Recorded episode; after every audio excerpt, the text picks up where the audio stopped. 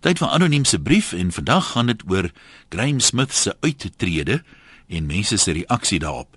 Vandag se brief se titel is Uittrede. Daar's 'n gesegde dat 'n mens nie die bos kan sien as jy teen aan die boom staan nie.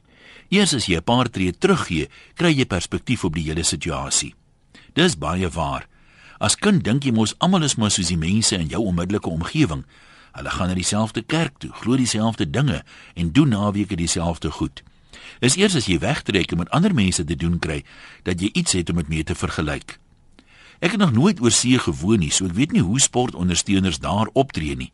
Hoe behandel hulle hulle helde of vergeet hulle hulle net so gou as ons?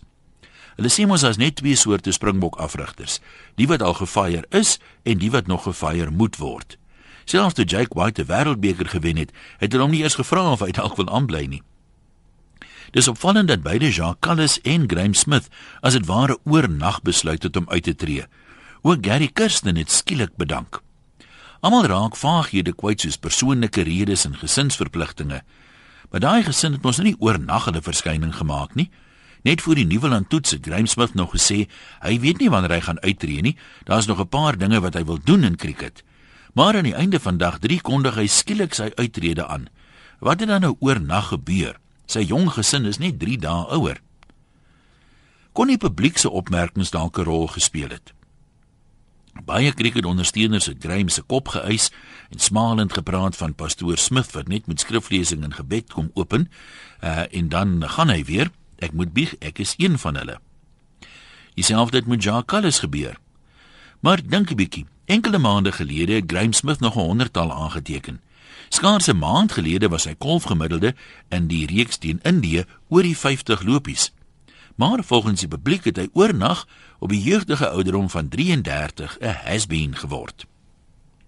Dis nou dieselfde man wat die rekord hou vir die meeste dubbele honderdtalle vir Suid-Afrika. En na elkeen ken elke kriketondersteuner die gesegde: Form is temporary, but class is permanent. Maar binne 'n wedstryd of twee vergeet almal dit weer. Nestle vergeet het hoe hulle Captain Courageous geloof het toe hy in Australië met 'n breek gebreekte hand gaan golf het. As jy mens natuurlik objektief na Graham se loopbaan kyk, sien jy 'n geskiedenis vol hoogtepunte met net enkele laagtepunte.